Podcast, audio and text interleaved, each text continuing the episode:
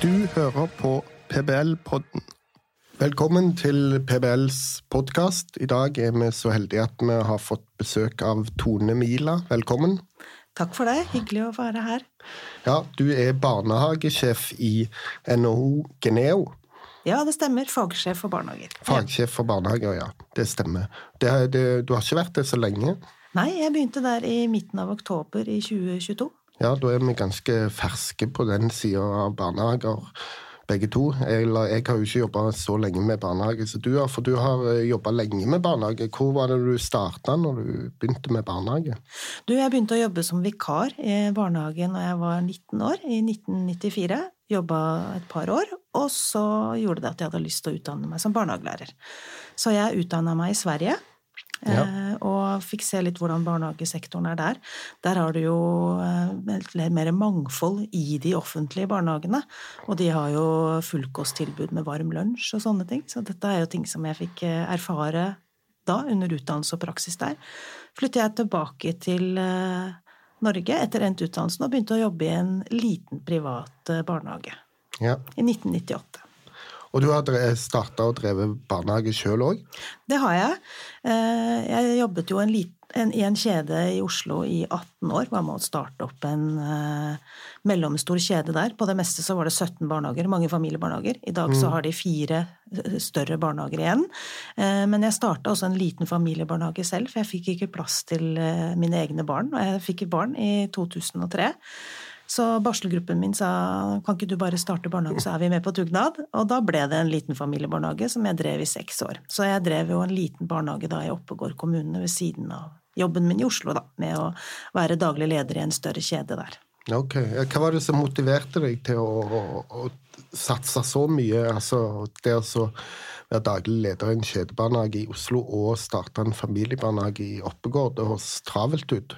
Ja, men jeg syns jo det er veldig gøy med drift av barnehager, da. Det var veldig motiverende å være med å starte opp nytt, forme eget, ansette folk. Det å se at gode, rekrutteringsprosesser og at det munner ut i kvalitet i barnehagene, det var noe vi lærte ganske fort. Eier av denne barnehagen, Cecilie Rønbeck heter hun, en kjede som heter Tårnsvalen barnehage AS. Så vi jobba veldig godt sammen for å ansette de beste folka.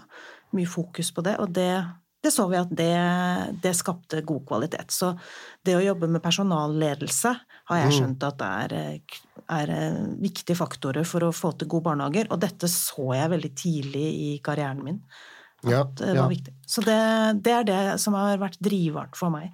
Ja, det med, med, gode ansatte på jobb og trygge ansatte på jobb er det jo en del undersøkelser som viser. Vi hadde nettopp en podkast med Epsi her i PBL-podden, og der snakket vi jo òg litt om det samme, at med en gang utrygghet i blant foreldre når de leverer i barnehagen, hvis det ikke er trygghet blant de ansatte, så faller fort tilfredsheten med barnehagen. Så der tror jeg du er inne på noe veldig viktig.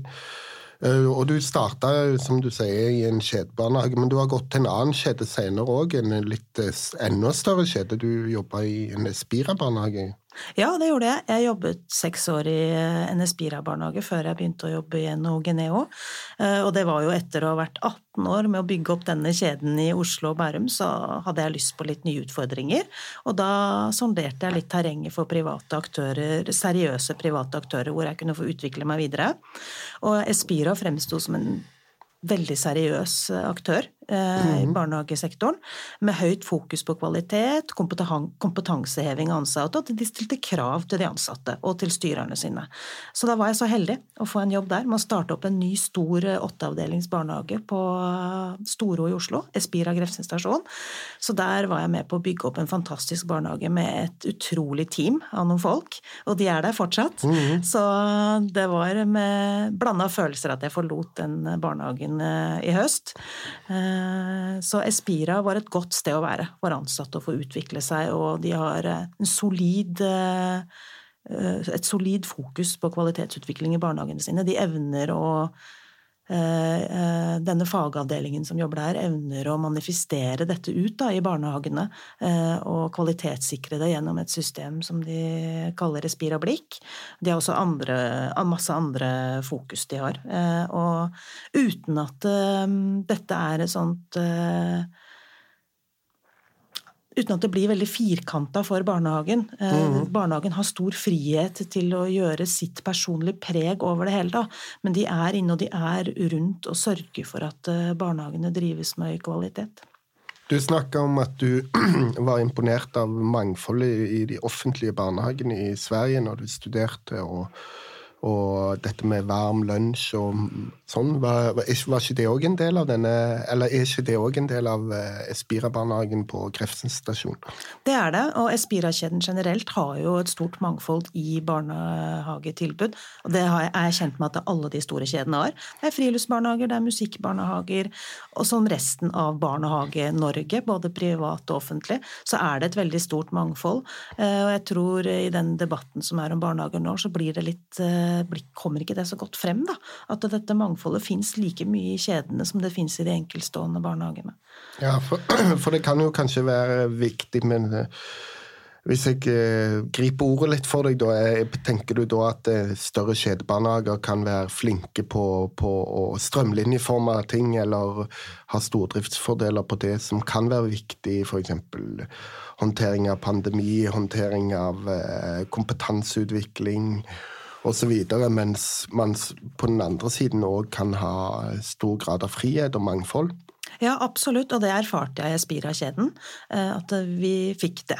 Og det har jeg inntrykk av at de andre kjedene også jobber etter, eh, etter det, de prinsippene som du nevner her nå.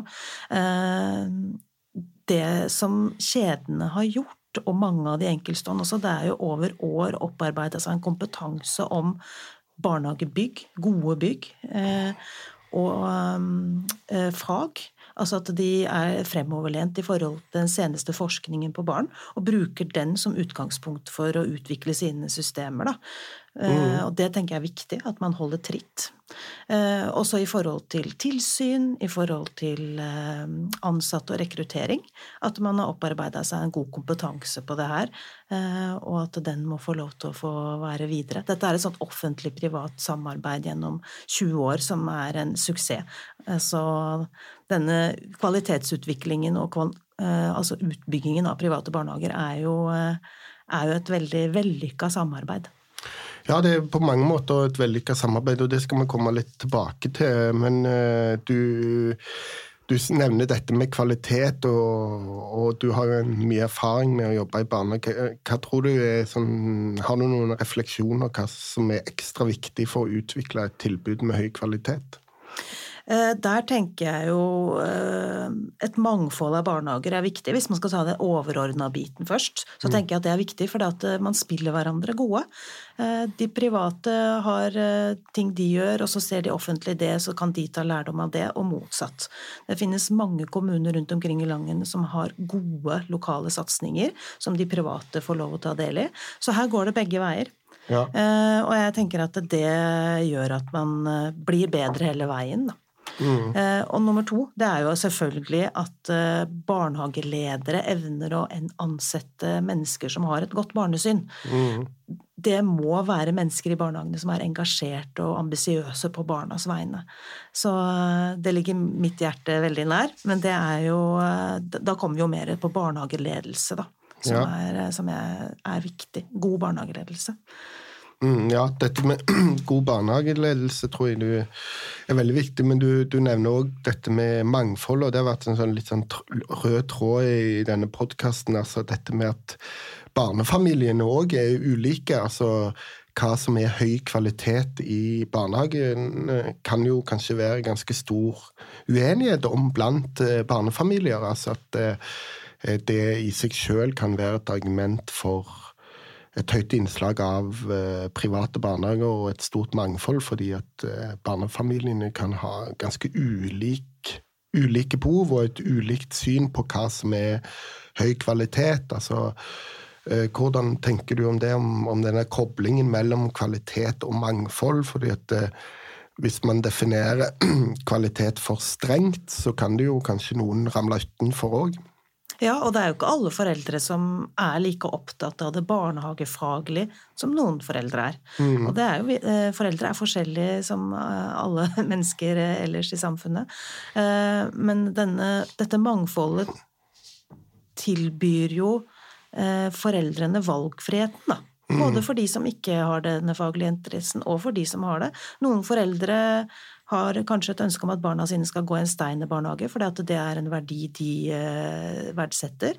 Så har du andre foreldre som ønsker at barna skal være i en friluftsbarnehage, fordi det er en familie som er veldig interessert i, i natur og friluft. Så dette mangfoldet er viktig for at foreldrene også får velge tilbud. Så har du for noen foreldre hvor nærhet, og mange foreldre, er jo nærhet til barnehagetilbudet lokalt viktig. Mm. Eh, og det er også en faktor som må tas med videre. Ja, det tror jeg òg er veldig viktig. Og, men det at uh, dette nærhetsargumentet der, uh, tror jeg, og det er det flere som trekker fram, men jeg tror òg at eh, det argumentet trenger ikke være på bekostning av valgfrihet. fordi at hvis den nære barnehagen ikke er så bra, så kan det være veldig viktig å kunne velge den nest nærmeste barnehagen, f.eks. Absolutt. Mm.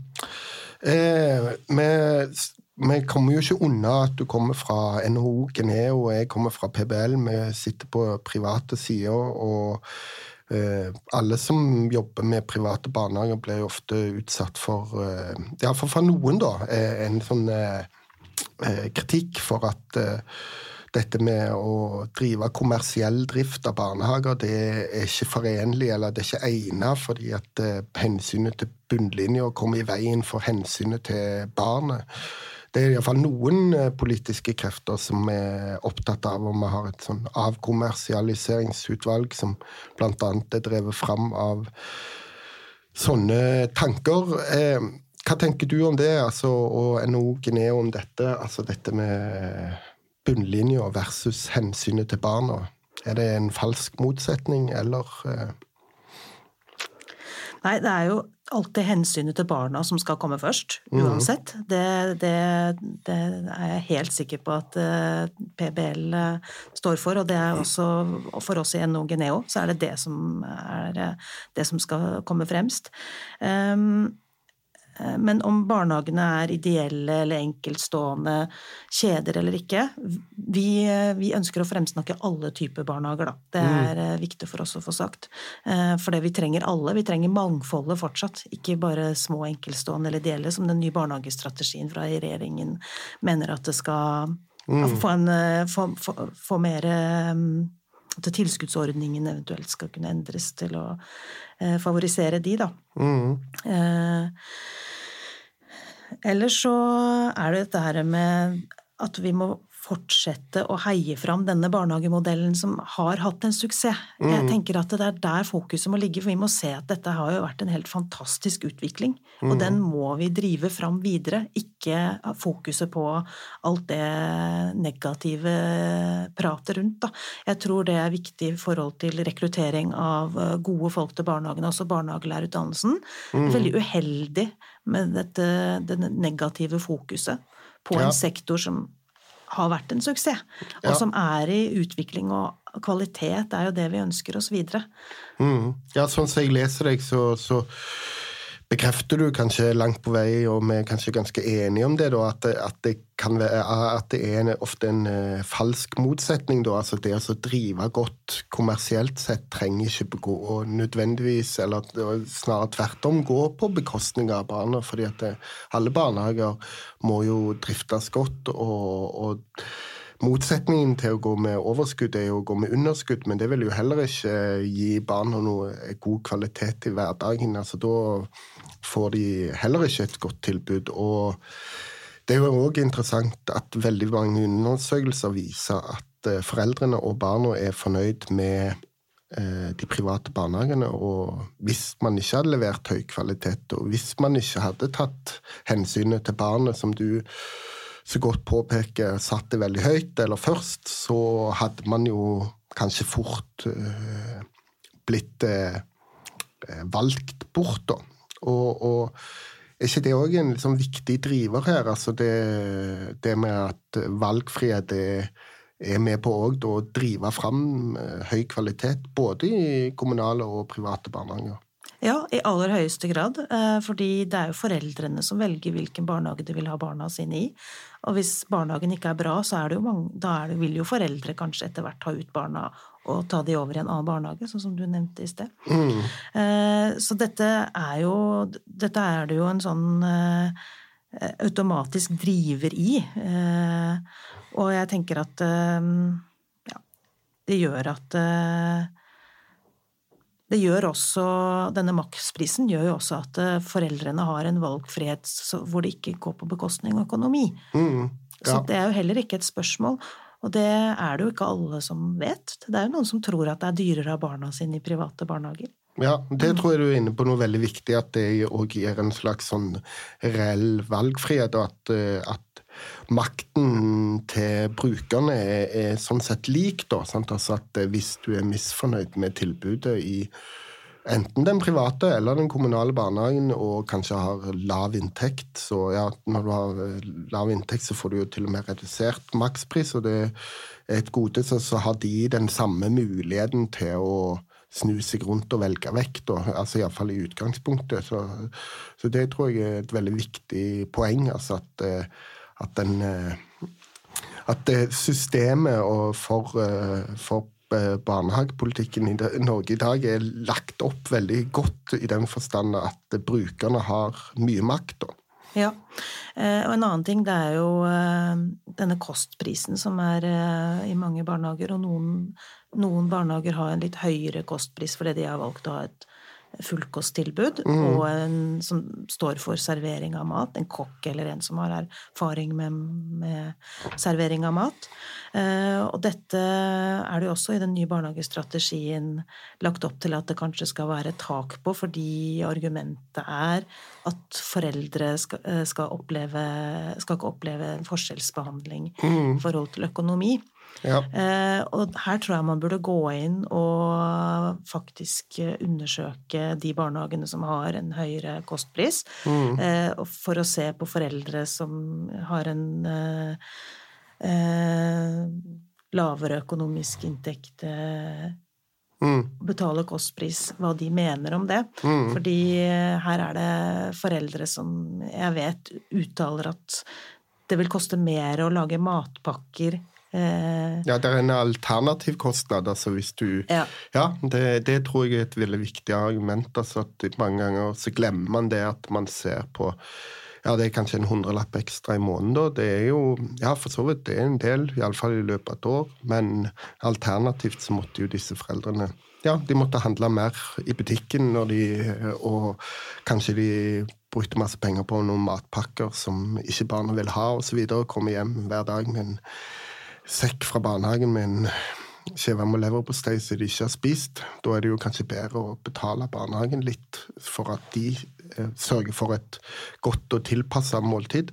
Ja, og jeg mener jo at de barnehagene som har satset på matansvarlige, eh, er et skritt foran i forhold til det ringvirkningene et godt mattilbud gir også. Ikke bare en god ernærings rik kost for ungene. De får i seg variert kost i løpet av en dag, mm. med variasjon fisk, kjøtt, grønnsaker. Eh, det er også veldig mye annet som skjer rundt et måltid. Det er å lære seg å spise med kniv og gaffel. Mm. Det er sosial kompetanse som skjer rundt bordet i forhold til eh, vaner og rundt det å ha et ja. måltid. Det er masse språktrening. Mm, ja, det er et godt poeng. Ja, og Særlig òg dette poenget med at, i og med at vi er inne på dette med at ikke bakgrunnen skal ha noe å si, så kan jo det å ha et uh, måltid i barnehagen som er lagd i barnehagen, være med på at uh, alle da får de samme mulighetene. Da er det ikke bare de uh, Eh, de med ressurssterke foreldre som har grei matpakke, og så sitter noen som kanskje ikke har det så greit hjemme med en dårlig matpakke. Da blir det likt for alle, så du, du, du drar Alle skal med, som man sier på venstresida. Så, så blir Absolutt. alle dra, dratt med, da. Det er jo et uh, viktig det, moment her. Jeg syns at det er hovedargumentet for å ha fullkosttilbud i barnehagene. Det er den sosiale utjevningen, og det var også intensjonen for uh, de svenske barnehagene. Dette ja. har de holdt på med helt siden på 70-tallet. Ja. Eh, så Mm. Her tenker jeg at vi må gjøre grep og mm. utvikle mattilbudet i norske barnehager. Ja, og, og det, det høres ut som du er veldig opptatt av dette, og du oppdaget det allerede når du studerte, men eh, igjen valgfrihet. Altså, andre barnehager vil kanskje ikke tenke at mat er så viktig. Her er det matpakke fire dager i uka, og så har vi noe felles én dag i uka, men vi drar mye på tur og friluftsliv. og og brenner bål i skogen, og det er det vi gjør, liksom. Altså, så, så, velger noen foreldre den barnehagen, og andre den som har mer fokus på mat. Og det bør ikke òg være en liksom, det, variasjon der, altså litt altså bare, eh, Du har allerede maksprisen, og så har du kostpenger på toppen, og så er det noen som vil regulere det òg. Altså, er det ikke en fare for at man regulerer for mye her? Ja, jeg tenker, jeg tenker, at det bør eh, være et type tak på en kostpris. Mm. For hvis det begynner å beløpe seg opp mot tusenlappen i måneden, da begynner vi å nærme oss eh, at det blir en forskjellsbehandling av foreldre og familiene og økonomi. Mm. Ja. Så det må være reelt i forhold til det mattilbudet barnehagen serverer. At kostprisen speiler det barna får. Ja, ja. Mm. Samtidig som man ikke skal overdrive, tror jeg, hvor stor fare det er for at private barnehager stikker av og tar en helt enorm kostpris. Det finnes kanskje noen ytterst få eksempler, men en barnehage som tar for mye av eh, på, på, kostpenger, kan jo fort òg bli valgt bort. Da, at ja. foreldrene ser at ja, ja, jeg er greit nok, jeg har høy inntekt, men jeg gidder ikke sløse med penger heller. Og når de kommunale eller de andre private barnehagene har et vel så godt tilbud for mye lavere pris, så går jeg heller der. Altså det, det, kan være at dette regulerer seg ganske godt sjøl, at man ikke nødvendigvis trenger å innføre tak på. Men jeg ser intensjonen din, altså at, for man ønsker å unngå at uh, forskjeller, da. Og det har jo vært en suksess i norsk barnehagepolitikk at nettopp denne like tilgangen tror jeg har vært veldig viktig. Veldig viktig, og den må vi bevare. Mm, ja, ja.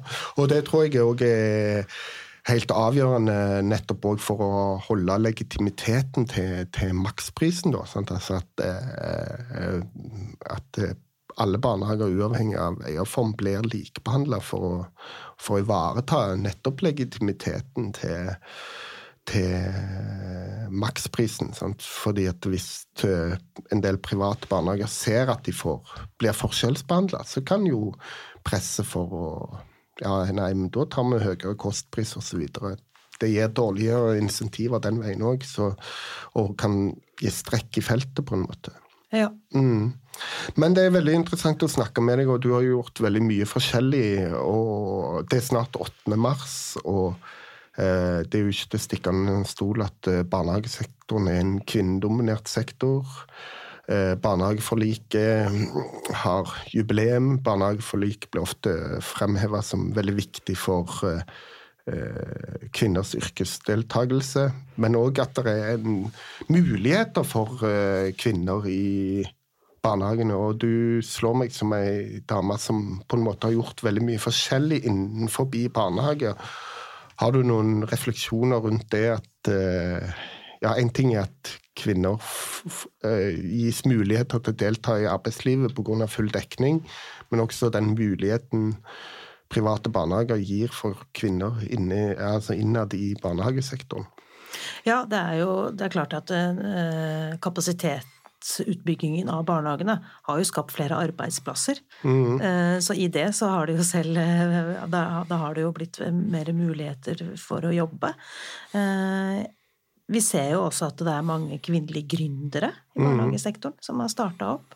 Pedagoger, mødre og fedre, for den saks skyld, som har starta opp. Og alle de eller den kjeden jeg var med å bygge opp i Oslo, og min egen lille familiebarnehage er jo av kvinner. Mm. Så det er en ting som jeg er veldig stolt av, at man ser at det er mye kvinnelige gründere som kommer opp og fram. Mm.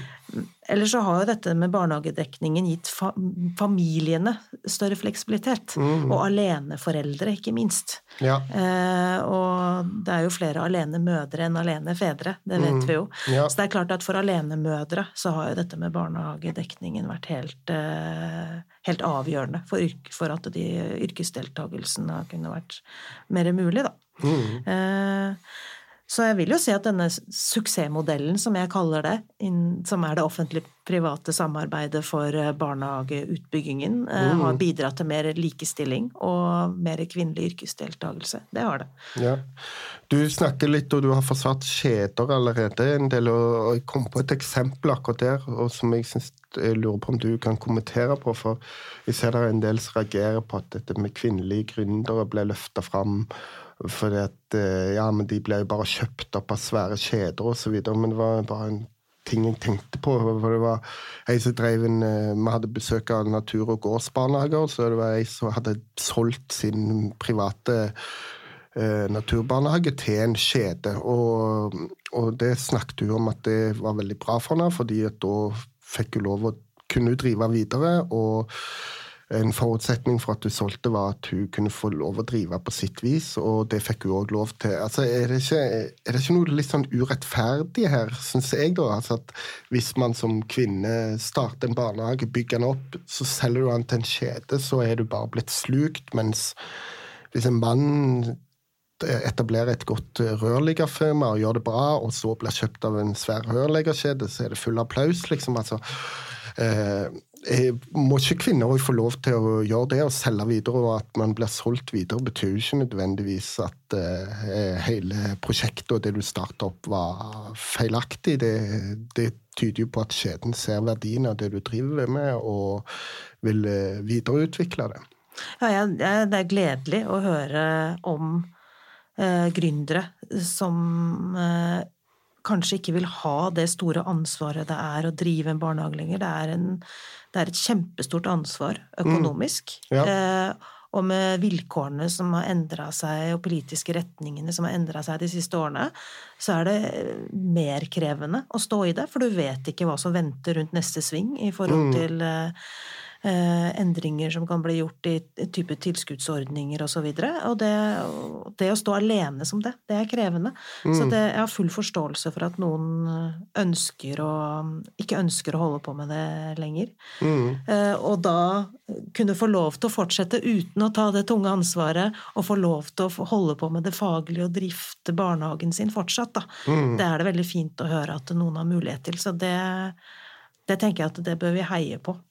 Ja, for det er et godt eksempel på det du sier der med du slipper det administrative og får konsentrere seg om det faglige. Da. Altså for det å drive barnehage jeg har jo en administrativ side med forsikringer, ta vare på bygg lønnsutbetalinger osv. Da kan det jo være bra å ha det på den ene siden, og så har du de faglig faglige ansatte som kan ha fokus på kvalitetsutvikling og hjelpe barna og drive med god barnehageledelse, som du snakket om, og at uh, samarbeide godt med de ansatte. Uh, men uh, vi skal snart inn for landing, men jeg tenkte vi skulle bare mot slutten her diskutere dette med Eh, kommunale versus private barnehager. Altså, du har vært litt opptatt av dette med at det er viktig å ha et godt samarbeid med kommunen, og at kommunale og private barnehager kan lære av hverandre. Hva tror du det er viktig at eh, kommunene ser med de private barnehagene? Eh, jeg vet at de ser allerede verdiene av de private. Jeg har erfart mye godt samarbeid. Jeg har jobba i mange forskjellige bydeler i Oslo. Mm. Samarbeidet med mange, eh, og Bærum kommune, Oppegård kommune. Og hørt om og reflektert med kollegaer rundt i hele landet. Eh, så det skjer veldig mye bra. Mm. Og kommunen inviterer private styrer og eiere inn til å fortelle om sine prosjekt, og motsatt private barnehager får ta del i eh, lokale satsinger. Eh, nå er den nye barnehagestrategien fra regjeringen eh, de, Der foreslås det at eh, de kommunale barnehagene eller offentlige skal kunne styre i større grad mm -hmm. ja. tilskuddsordningene sine. hvis private barnehager velger å ikke bli med på de lokale satsingene, så skal dette kunne styres, da. Mm. Eh, og der tenker jeg at man må ha med de private barnehagene på råd.